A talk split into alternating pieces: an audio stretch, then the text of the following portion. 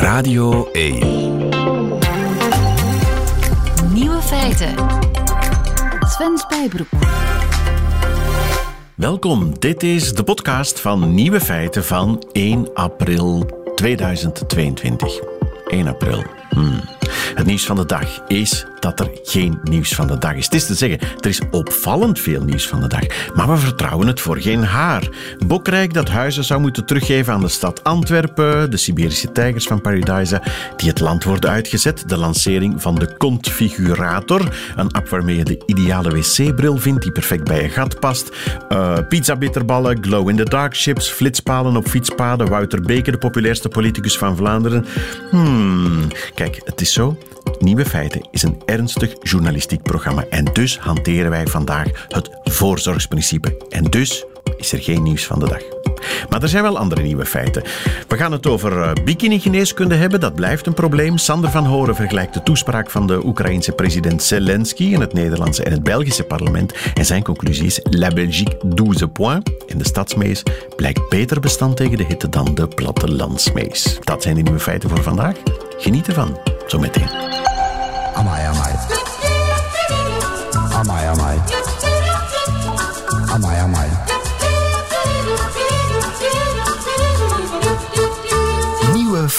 Geen kleine man. Dat is een eh, Radio 1-podcast genomineerd voor de Belfius Persprijzen trouwens. Die gaat over hoe de medische wetenschap naar mannen en vooral vrouwen kijkt. Daar bestaat een woord voor. Bikini-geneeskunde. De overtuiging is dat dat mannen- en vrouwenlichamen hetzelfde zijn, behalve die delen die door de stof van een bikini bedekt worden. Wel, dat is niet zo. Een hart van een man bijvoorbeeld is niet hetzelfde als dat van een vrouw. Een hartaanval bij een vrouw ziet er helemaal anders uit dan bij een man, minder opvallend ook, waardoor er vaker vrouwen aan overlijden. Ik weet dat onder andere door die podcast, maar ook en vooral omdat Els Dufremont ons daar jaren geleden al op gewezen heeft in Interne Keuken. Dag, dokter Dufremont. Uh, goedemiddag, meneer Spijbroek. weet u nog wanneer het was? Ja, toch een jaar of vijf geleden, denk ja, ik. in 2016 zat u bij ons aan de keukentafel om ons daarop te wijzen. Van jongens, pas op, de wetenschap kijkt verkeerd, zeg maar, of onvolledig naar vrouwenlichamen. Wat blijkt nu ondertussen, en daarom bellen we u, je zou denken na al die tijd en die podcast en u die daarop gewezen heeft, dat dat, dat nieuws stilaan begint door te dringen, maar het betert er niet op. Dat blijkt uit een nieuwe studie, die is uitgevoerd aan de George Institute for Global Health, zo heet die. En wat hebben die ontdekt? Wel, dat wat gepubliceerd wordt in wat ondertussen typische vrouwelijke medische tijdschriften genoemd worden. Dus er worden nu ondertussen wel aparte uh, medische vakliteratuur uh, gepubliceerd specifiek voor vrouwen, tussen aanhalingstekens, issues. Mm -hmm. uh, en de globale medische tijdschriften, zoals je er in de Lancet of de uh, British Medical Journal kent, uh, dat die onderwerpen eigenlijk niet zoveel verschillen. Daar gaat uh, nog heel veel aandacht naar de bikini-geneeskunde, ook in de typisch vrouwen medische tijdschriften. En Terwijl over, over wat voor soort denken, onderwerpen gaat dat dan? Wel, dat gaat dus eigenlijk vooral over de verloskunde, de gynaecologie, maar dan meer specifiek dus echt wel de, ja, de, de verloskunde. En als het dan over de gynaecologie en bijvoorbeeld de kankers gaat, dan gaat het terug over de baarmoederhals en de baarmoeder- en eierstokkankers en borstkankers. Terwijl dat eigenlijk net in die tijdschriften je zou verwachten dat de typische aandoeningen bij vrouwen, bijvoorbeeld de hart- en vaatziekten, maar ook auto-immuunziekten die veel meer bij vrouwen voorkomen dan bij mannen, de menopausale issues, die daar eigenlijk bijna zo goed als niet aan bod komen, toch zeker bijna niet meer dan in de globale medische tijdschriften, ja, ja, dat dus die bestaan... toch veel meer aandacht zouden krijgen. Ja, er bestaan typische tijdschriften waarin geconcentreerd wordt in de medische wetenschap op het vrouwenlichaam. Maar dan gaat het vooral over, over reproductie en over alles ja, wat inderdaad en, onder die bikini-stof zit. Ja, en het curieuze is dat dat eigenlijk de laatste tien jaar nog meer geworden is. Dus tien jaar geleden schrijven die uh, onderzoeksters, zat daar rond de 36 procent, die, die onderwerpen over de, de reproductie. Mm -hmm. En nu zit daar rond de 48 procent. Nu, dat is dezelfde tendens als bij de globale medische tijdschriften. Terwijl, maar dat is dus ja. achteruitgang eigenlijk. We blijven ons maar concentreren op vrouwen als die moeten met kinderen bezig zijn en dat soort dingen. Wel, dus de medische vakliteratuur gaat daar toch over. Nu, dat is een weerspiegeling natuurlijk van waar dat uh, uh, fondsen voor vrijgemaakt worden. Uh, je kunt maar publiceren wat dat er uiteindelijk onderzocht wordt. En wat dat onder onderzocht wordt, dat is iets dat bepaald wordt door onderzoeksinstellingen en die door aan overheden en steeds meer ook um, private fundings die, die financiële middelen gaan naar onderzoek. En het is uiteindelijk dat onderzoek dat resulteert in publicaties. En zijn dus die publicaties... Maar u zegt dus eigenlijk, er zijn medische problemen die vrouwen veel meer bedreigen en waar dus eigenlijk veel meer onderzoek naar zou moeten gebeuren. Absoluut, absoluut. Zelfs in, in het, de velden die nu behandeld worden, is het verhaal van endometriose dat toch veel vrouwen uh, treft en veel vrouwen heel veel pijn en andere klachten geeft. Mhm. Ja, dat zou bijvoorbeeld veel meer kunnen onderzocht worden, zeker in dat veld, maar dat, dat gaat daar dan toch wel minder over. Zie naar auto-immuunziekten die veel meer bij vrouwen voorkomen. Maar ja, het blijft, het, uh, het blijft een issue van waar gaan de fondsen van onderzoek naartoe? Uh, vooraleer dat daar dus de, het vervolgverhaal uh, kan geschreven worden van wat komt daaruit van publicaties. Nu, dat is niet alleen het verhaal van man-vrouw, dat is ook het verhaal van uh, de raciale verschillen. als je ziet dat die medische tijdschriften nog altijd 50% van de literatuur is daar nog altijd Amerikaanse literatuur. Dus er zijn ook nog wel... Ja, de, de rest van de wereld, bij wijze van spreken, komt daar ook relatief minder ah, aan ja, ja, we, weten niet of, of de Chinese uh, vrouw bijvoorbeeld, of, of de Afrikaanse man of zo, of die helemaal anders zou reageren op bepaalde ingrepen of ziektes of geneesmiddelen of zo. Dat is ook allemaal veel te weinig onderzocht. Ja, dat is zo. Ja. Allee, wel onderzocht, nee. Er wordt eigenlijk denk ik zelfs niet direct bij stilgestaan. Nu, dat voor men dat zou kunnen onderzoeken. Ja, absoluut. Ja. Nu, voor de vrouw zijn er wel belangrijke stappen gezet ondertussen, hoor. Uh, dat wordt hier nu ook wel uh, vermeld, dat ze daar niet specifiek hebben kunnen nakijken, omdat dat de manier waarop dat ze de literatuur onderzocht hebben dat niet toeliet. Maar ondertussen ja, zijn er... Um, dus de Wereldgezondheidsorganisatie heeft een aantal criteria voor medische literatuur vooropgesteld om vrouw, vrouw en, vrouwvriendelijker te zijn. Ja. Uh, en in 2014 zijn daar ook de, de Sager Guidelines geweest, uh, geschreven. Die en zien die wel een verbetering?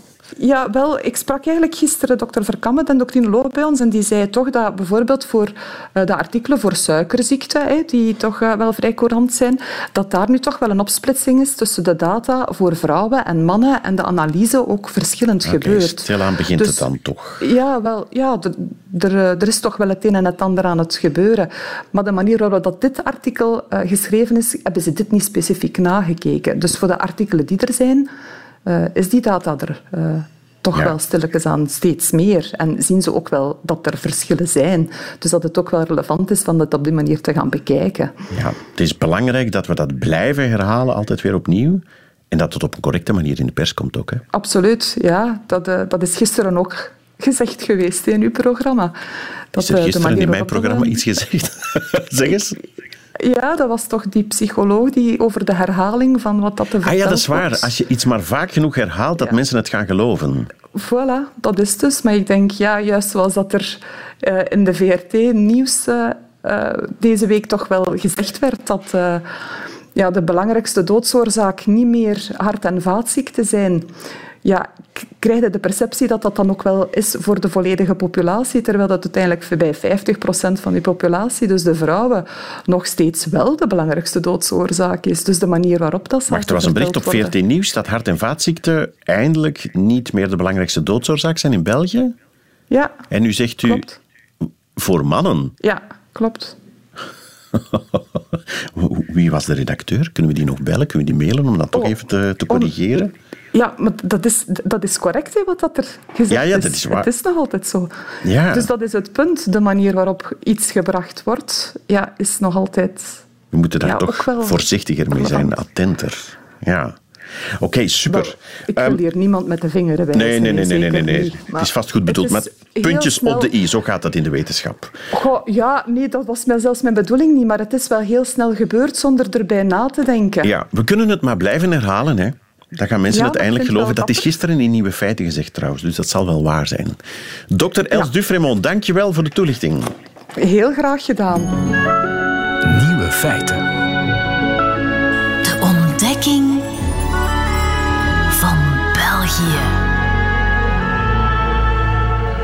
Dag Sander van Hoorn. Goedemiddag. Sander, jij woont in ons land, je bent van Nederlandse origine en je wordt betaald om televisie te kijken.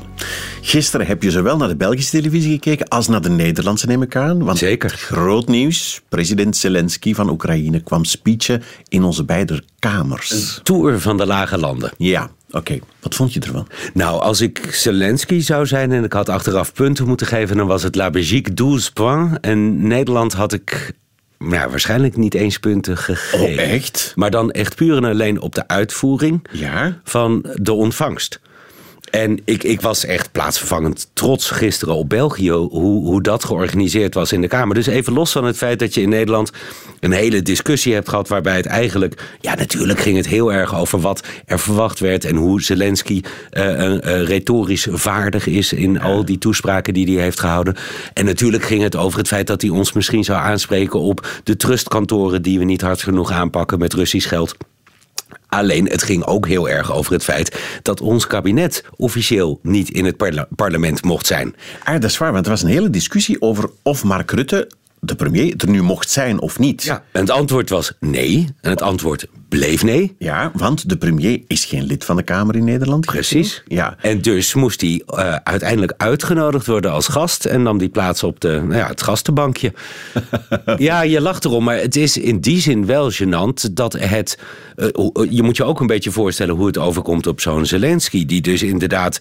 eh, nou ja, goed, als het omgekeerd was gebeurd... dan was hij eerst in België geweest. Maar nu was hij eerst in Nederland. Maar in België, eh, natuurlijk word je welkom geheten door de Kamervoorzitter. Nou, oké, dat is in beide landen zo. Maar na jouw toespraak hier in België... word je toegesproken door de Kro. Die dan ten overstaan van het volk, of in elk geval de vertegenwoordiging van het volk in de Kamer, zich eigenlijk moet verweren tegen wat jij tegen België hebt gezegd. Dus de Kro moest inderdaad uitleggen waarom er geen no-fly zone eh, zou komen. De Kro moest inderdaad uitleggen waarom eh, wat Zelensky ook weer aan het, eh, de Kamer vroeg, niet versneld lid kon worden van de Europese Unie. Ja. En dan heb je dus eigenlijk als Zelensky zijnde, via de omweg van het toespreken van het parlement, hou je dus de premier van een land bij de les. Ja. En die kans heeft hij in Nederland niet gehad, doordat er een, ja, een of ander formaliteitje was, waardoor Rutte eh, als niet deel van de Tweede. Terwijl ze hadden ook, maar verzin er iets op. Zet Rutte inderdaad neer in dat vak waar hij normaal gesproken zit. En laat hem gewoon daarna deftig als een volwa- volwassen land eh, een, een, een, een, toespraak houden. ja, En en deelnemen aan het debat. voor een deel ging het in Nederland ook heel erg in eh, de aanloop naar die toespraak van Zelensky over wie er niet bij zou zijn. Forum voor Democratie eh, van Thierry Baudet had gezegd dat hij er niet bij zou zijn. En dat domineerde dus een deel van het debat. Ook alweer omdat het in onze Eerste Kamer, in onze Senaat, tot een eh, afsplitsing van een aantal leden van Forum voor Democratie heeft geleid. Die het dan weer niet eens waren met het feit dat Baudet daar niet bij wilde zijn. Met andere woorden, allemaal van dat soort troep, vuil, onzin. Die dan eigenlijk. Taarderige... Ja, maar die dan dus ook overschaduwt. Ons, ja, terwijl er er een gebeurt. oorlog aan de gang is Ja. In Oekraïne. En die president hulp komt vragen, wat toch allemaal veel belangrijker is. En dat doet hij. Ik bedoel, je kunt doen alsof het Nederlandse parlement met zijn regeltjes en zijn dingetjes heel belangrijk is. Maar hij heeft de halve wereld al gehad, natuurlijk inmiddels. Ja. En, en, en hij, hij heeft ook de, de grote landen, Duitsland, Frankrijk, het Europees parlement, het Amerikaanse eh parlement, heeft hij allemaal al gehad. Dus wat voor een punt maak je nou eigenlijk? En dan kun je beter, vind ik, eh, doen wat België deed. Ik bedoel, maak er wat van. Die twee violisten, ik ben niet echt heel muzikaal, maar volgens mij was het echt niet toonzuiver. Maar eh, het was het Oekraïense volkslied, gespeeld door twee Poolse violisten. Jullie hele kamer stond Zelensky stond met de hand op het hart zijn volkslied. Ik bedoel, moet je, en die principiële vraag die kan je stellen... en die stellen we ons in Nederland... moet je inderdaad eh, eh, eh, een vreemde president uitnodigen? Moet je een vreemd volkslied laten klinken in jouw nationale parlement? Het zijn allemaal legitieme vragen. Alleen als je het doet, doe het dan goed. En ik vond dat België het goed deed. Ja, het viel heel erg op. Hè. Je zei net, Mark Rutte die zat op het gastenbankje. Zelensky heeft hem twee keer persoonlijk bij de voornaam aangesproken. Ja, ja. Als was hij een goede vriend. Ja. Waarom doet hij dat? Is dat bewust omdat hij weet dat het allemaal heel gevoelig ligt? Of? Dat, dat, dat weet hij als geen ander. Wat dat betreft bereidt hij zich voor. En, en hier, ik vond het prachtig. Ik bedoel, hij was eigenlijk voor de Belgen, vond ik hem harder dan voor de Nederlanders. Eh, de, de gezel. Want hij had bij beide een historische vergelijking. Alleen bij ons in Nederland ging dat over uh, de, de, de, de watergeuzen die Brielen uh, bevrijden. En dat was dan 450 jaar geleden morgen. En ja, dat staat bij ons niet echt op de agenda. Wat dat betreft had ik en iedereen verwacht dat hij veel meer op MH17, het neerhalen van dat passagiersvliegtuig, uh, zou ingaan. Maar hier had hij natuurlijk met Ieper. Mariupol is Ieper. Nou, dan heeft elke Belg heeft de Menenpoort voor ogen met al die namen. En denkt van ja, verdorie, dat is inderdaad waar, daar heeft de man een punt. Ja. En op het moment dat je die vergelijking legt en dan zegt... vrede is belangrijker dan diamanten, waanzinnige one-liner... ja, dan heb je de aandacht wel te pakken. Ja, maar de vraag was, als hij dan in Nederland zegt... wij willen lid worden van de Europese Unie. Mark. Ja, hij doet het vaker, hè? En hij heeft ook op andere uh, momenten, uh, dus niet in parlementen, maar bijvoorbeeld bij de Europese Raad, waar hij al meerdere keren uh, per videoverbinding de leiders heeft toegesproken, wordt hij ook steeds gerichter. En heeft hij Viktor Orban, de premier van Hongarije, heeft hij al een keer echt toegesproken. Maar inderdaad ook Mark, van je moet de premier die wel weet hoe het zit die moet je ergens op aanspreken. En hij weet ook, denk ik wel, Zelensky, dat, het, dat hij niet krijgt wat hij, waar hij om vraagt. Hij weet dat hij geen no-fly zone gaat krijgen. En hij weet dat hij eigenlijk ja, er wel elke keer om moet vragen. En dat EU-lidmaatschap, ik bedoel, waarom help je mij niet, Mark? Hij zei niet, waarom help je mij niet, Alexander? Hij zei wel, wij willen versneld lid worden van de Europese Unie, want we horen erbij. En wij strijden jullie strijd in feite. Maar hij zei dat niet tegen de Kroo specifiek. Maar de Kroo heeft wel zich daar uh, daarover verantwoord. En dat deed hij op precies dezelfde manier als Mark Rutte. Namelijk door te zeggen: zo'n proces kost tijd. Jullie is impliciet weten ook wel Oekraïne dat jullie er nog lang niet aan toe zijn. Dus laten we elkaar niet voor de gek houden. En laten we proberen met concrete economische samenwerking. Met uh, deelname aan uh, uitwisselingsprogramma's als Erasmus en dergelijke. Laten we daar gewoon heel concreet jullie op korte termijn helpen. Zonder te doen alsof we uh, jullie versneld lid kunnen maken. Want dat is ook niet eerlijk ten opzichte van andere landen. Servië, Noord-Macedonië, Albanië. Die ook al heel lang aan het wachten zijn. Ja. En wat dat betreft is dus het antwoord, lang antwoord op je concrete vraag hij weet ook dat zelfs al richt hij zich op die manier tot Mark Rutte, hij gaat het niet krijgen. Maar hij moet er wel om blijven vragen. En nu doet hij het ten overstaan van de vertegenwoordiging van het volk in twee landen. Ja. Dat is toch, ja. En misschien vraagt hij te veel, omdat hij weet dat hij dan in de plaats toch op zijn minst iets anders gaat krijgen. En dat was toch wel de deliverable, zeg maar, van, van Alexander de Croo, die in de Kamer tegenover de president van Oekraïne, maar tegenover ook zijn eigen volksvertegenwoordiging kon aankondigen dat er een nieuwe wapenleverantie onderweg is. En in Nederland ging het debat over uh, de gebrekkige naleving van de huidige sancties in Nederland. Wist eigenlijk het kabinet niet aan te geven waarom er in Nederland, ook in vergelijking met België, nog zo weinig geld is gevorderd of bevroren van Russische oligarchen. Waarom er eigenlijk niet één minister is in het kabinet die daar zicht op heeft. En waarom het werkgroepje dat daar zicht op moet gaan krijgen, eigenlijk nog niet eens fatsoenlijk voorzien is van personeel. Ja, dat was het debat in onze Tweede Kamer. Ja. Ik denk dat ik het juryrapport begrijp. En dus ook de conclusie. Hoeveel was het ook alweer? 12 punten voor België. 12 punten voor België. Oké. Okay. Zullen we quizzen? Nee. Oeh, nee. Nou ja. Ja, tuurlijk wel. Verplicht.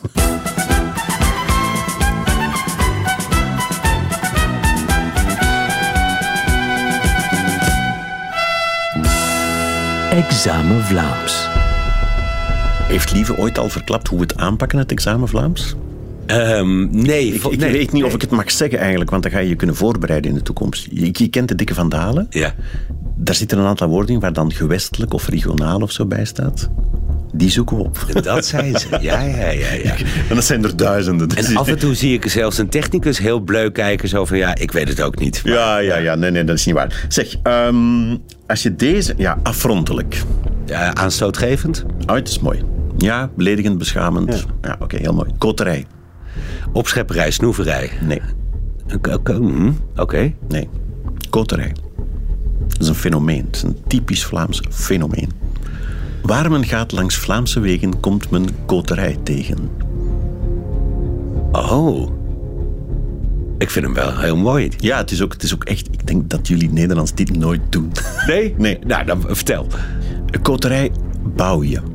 Je hebt een huis Ja. en dan is je geld op. En dan Ja. wil je toch nog een, een, een hokje ertegenaan, een keukentje. En dan bouw je nog een klein keukentje ertegenaan. En, is je, en, en- dan een toilet en dan een kippenhok. En, dan, en al die koten, die hokjes. Ah, daar dat allemaal samen, dat vandaan. is koterij. Juist, oké. Ja. Dat heet ruimtelijke ordening in Vlaanderen. Ja, dat is een totale ja, ramp. ja. Oké. Dat is vreselijk. Ehm, een klasseur, Context? bureau. Een bu- eh, Iets, iets, iets wat je, als je aan je bureau zit, of iemand die aan het bureau werkt, heeft, heeft negen kansen op tien er- ergens wel een klasseur. Vroeger. Mm, digitaal tijdperk iets minder. Is maar dat een Rolodex? Of is dat Nee. zo'n zo'n bakje waar je papieren in kunt doen? Zo'n postvakjes. Zo. Zo'n post- ja, met nee, dat is het niet. Nee, het ook is ook niet. niet zo- zo'n fichebak die kan ronddraaien. Dat is een Rolodex. Nee. Ja, nee. Geen idee. Een klasseur gebruik je om dingen te klasseren. Ja. Dat is een grote dikke map. Een opberg, een, Ah. een ordener. Zo, zo 10 centimeter dik. Tabbladen erin. Ja, met, met dubbele gaatjes en Maar wacht zo. even, een Rolodex noemden jullie dus geen Rolodex. Nee, maar dat, dat draait rond. Hè. Dat Ja, zijn maar hoe heet dat in. Vlaams dan? Hoe zeg je dat? Een Rolodex? Oh, toch wel. Toch wel, ja. ja. Dat is gewoon een merk. Dat is zoals thermos. Een thermos ken je? Een thermosfles, ja. Ja, voilà, oké, precies. Ehm, had je al iets juist? Ja, afrondelijk had je juist, hè? Had ik juist, En jawel. koterijnklasseur niet. Zullen we er nog eentje doen? Doe maar. Voorraap. De verwondering. Hij ligt net niet van zijn stoel, Sander. Voorraap. Vooraap. Ja. Als ik dat tegen jou zeg, zou je normaal gezien kwaad moeten worden. Kwaad moeten worden. Ja. Eh, en, en het heeft met apen te maken. Ja, ja, Ja. ja. ja. Aansteller, zou ik dan zeggen. Ja, dat is niet slecht. Slecht, maar ook niet goed. Dus. Ja. Het, het gekke is dat ik niet weet wat het betekent. Oh. Weet je wat een voor is? Een voor. Oh ja, de kermis. Ja, dat is een kermis. Ah, Kermis, kermisaap aap is een uitslover, voorraap. dus eigenlijk meer een voorraap. Ja, een idioot. Het is gewoon een belediging. Ah, ja. zot. Voorraap. Oké. Jij is een lelijke voorraap. Oh, maar dus niet met een V van Victor, maar met een F van... eh, Ah ja, dat is voor. waar. Jullie denken dat een voorraap dat met een V is. Ja. Nee, dan zouden wij voor, die vooraan vooraap staat. zeggen. Ah, de aap van de kermis. Oh ja. Je hebt een voorraap en een naaap. Ja. Ja, Ja. oké. Nee, oké. ehm, ja, dat is een half puntje. Dus dat is anderhalf punt? Hmm. Ik vind dat niet slecht. Sander, je hebt dat goed gedaan. Het zijn er geen twaalf, maar ook. Je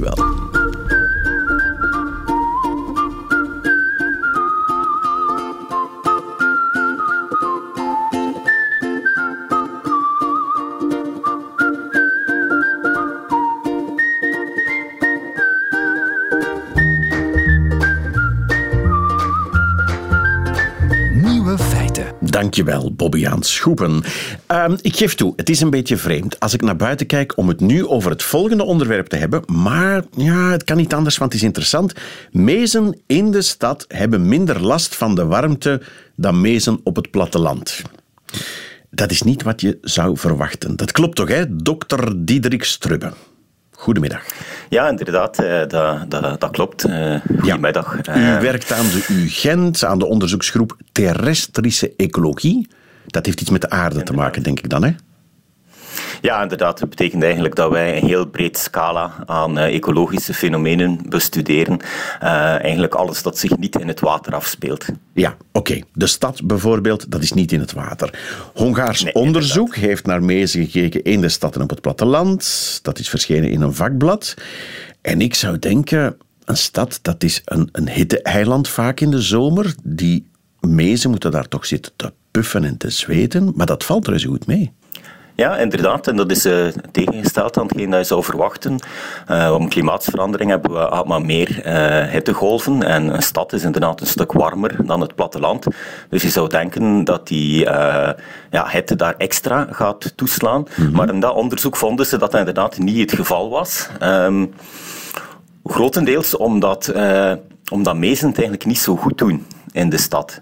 En hetgeen dat we typisch vinden is eigenlijk dat mezen in de stad dat die kleiner zijn, dat die minder eieren leggen, ehm, dat die ook vaak ehm, minder wegen, wat dat betekent dat ze in een minder goede conditie zijn. Dus typisch, als wij onderzoek doen, dan vinden we eigenlijk iedere keer van die mezen doen het niet goed in de stad. Ah, ja. En dit is eigenlijk een van de eerste studies die zegt van, kijk, het is niet noodzakelijk allemaal slecht nieuws. Uh, er kunnen ook bepaalde uh, fenomenen zijn waar dat ze het in stad net beter doen dan op het platteland. Want het wonderbaarlijke is, uit die studie blijkt inderdaad het feit dat die mezen kleiner zijn of dat er minder meisjes in één nest zitten, dat is niet noodzakelijk slecht nieuws. Dat heeft ook zijn voordelen. Ja, inderdaad. Nu, wat dan nog moeilijk is om te weten is van Betekent dat nu dat die mezen een manier gevonden hebben om zich aan te passen aan stad? Uh, dus dat er daar bijvoorbeeld evolutie is opgetreden en dat die dieren uh, ergens weten uh, dat ze moeten opletten met het aantal eieren dat ze leggen en met hoe, groot dat ze, allee, hoeveel eten dat ze naar een jongen geven en wat ze moeten opletten voor die klimaatsverandering, voor die hittegolven in stad. Of is dit nu eigenlijk gewoon een beetje een geluk bij een ongeluk? Um, we weten dat mezen in stad die vinden vaak niet genoeg voedsel. Dus mezen die zijn enorm afhankelijk van uh, rupsen op een gegeven moment. In stad zijn er minder rupsen. Uh, ze moeten verder vliegen om mm -hmm. eten te vinden. Het eten is vaak van mindere kwaliteit. En daarom zien we eigenlijk dat die minder eieren kunnen leggen, dat die jongen minder wegen. En dat is een probleem, maar we weten dat eigenlijk het gewicht uh, dat een jong heeft op het moment dat het het nest verlaat, dat is een heel goede uh, predictor van de kans dat dat jong gaat overleven. Dus jongen met een lager gewicht die hebben eigenlijk veel minder kans om te overleven.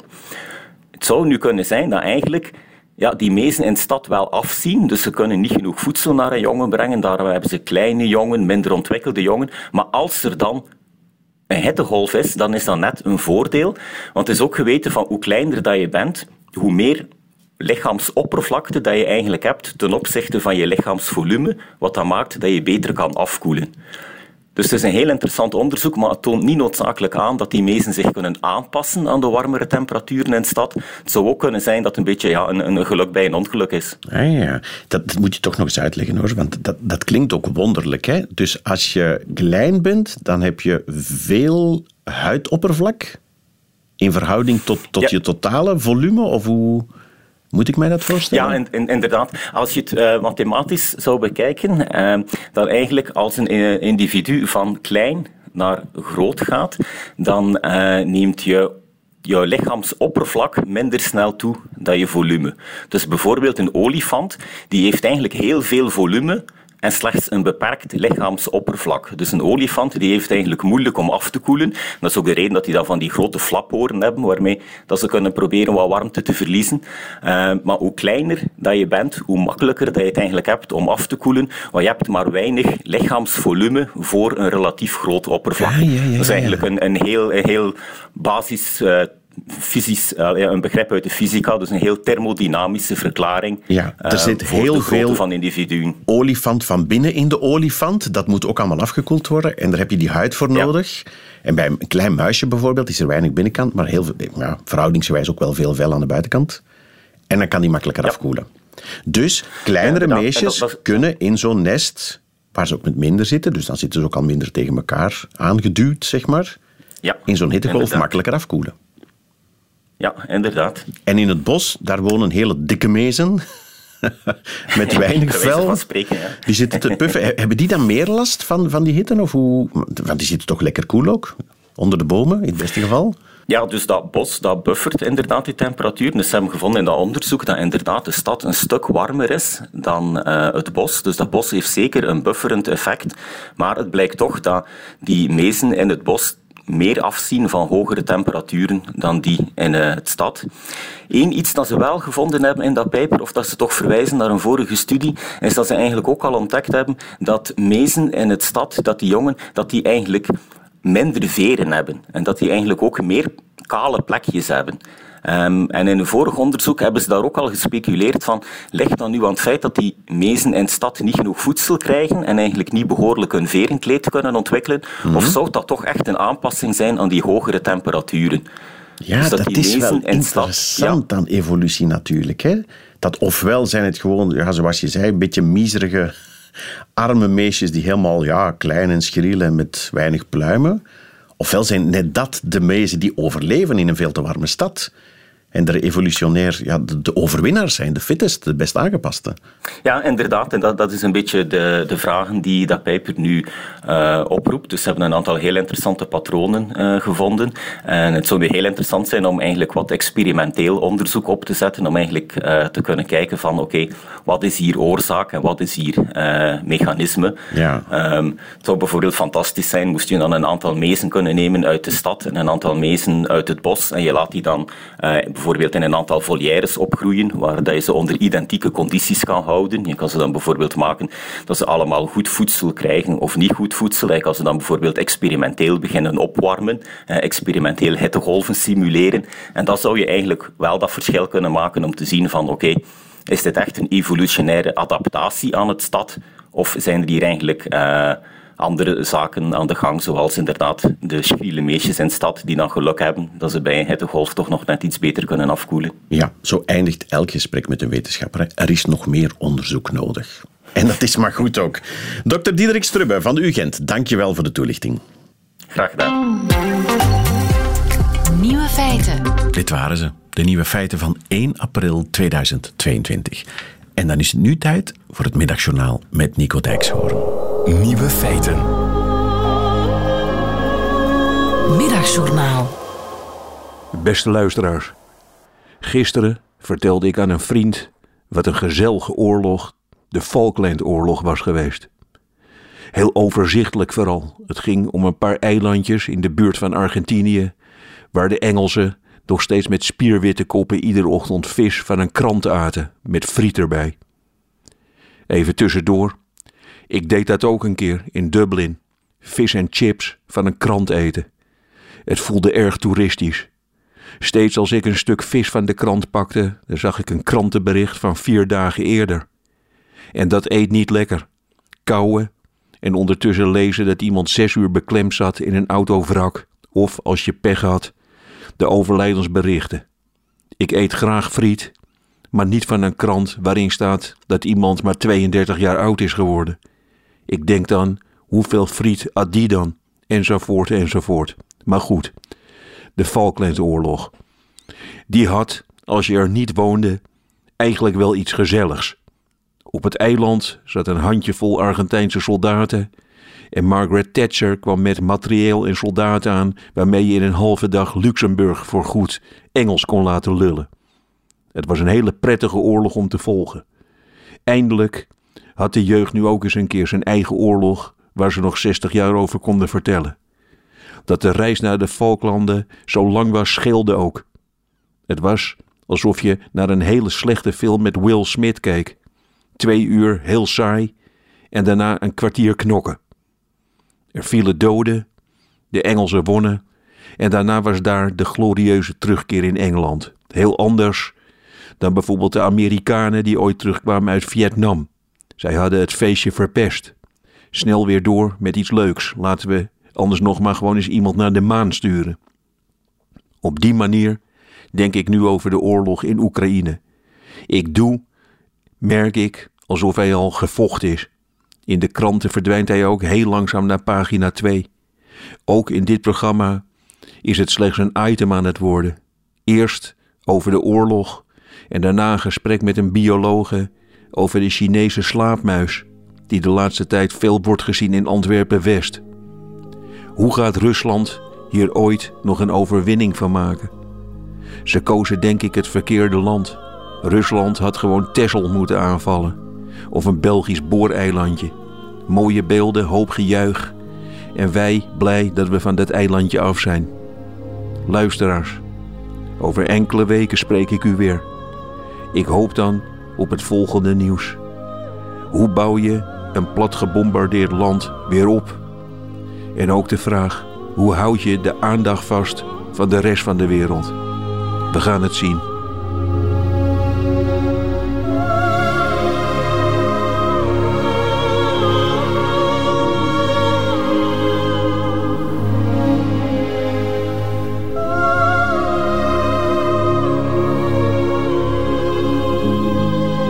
Moet zeggen, ik voel mij toch een klein beetje betrapt. Hoe zelfs in dit programma de oorlog in Oekraïne stilletjes aan uit de aandacht voor de, daarnet nog door een quizje werd gevolgd. Hmm, laten we daar toch maar mee oppassen. Dank je wel om ons erop te wijzen, Nico Dijkshoorn.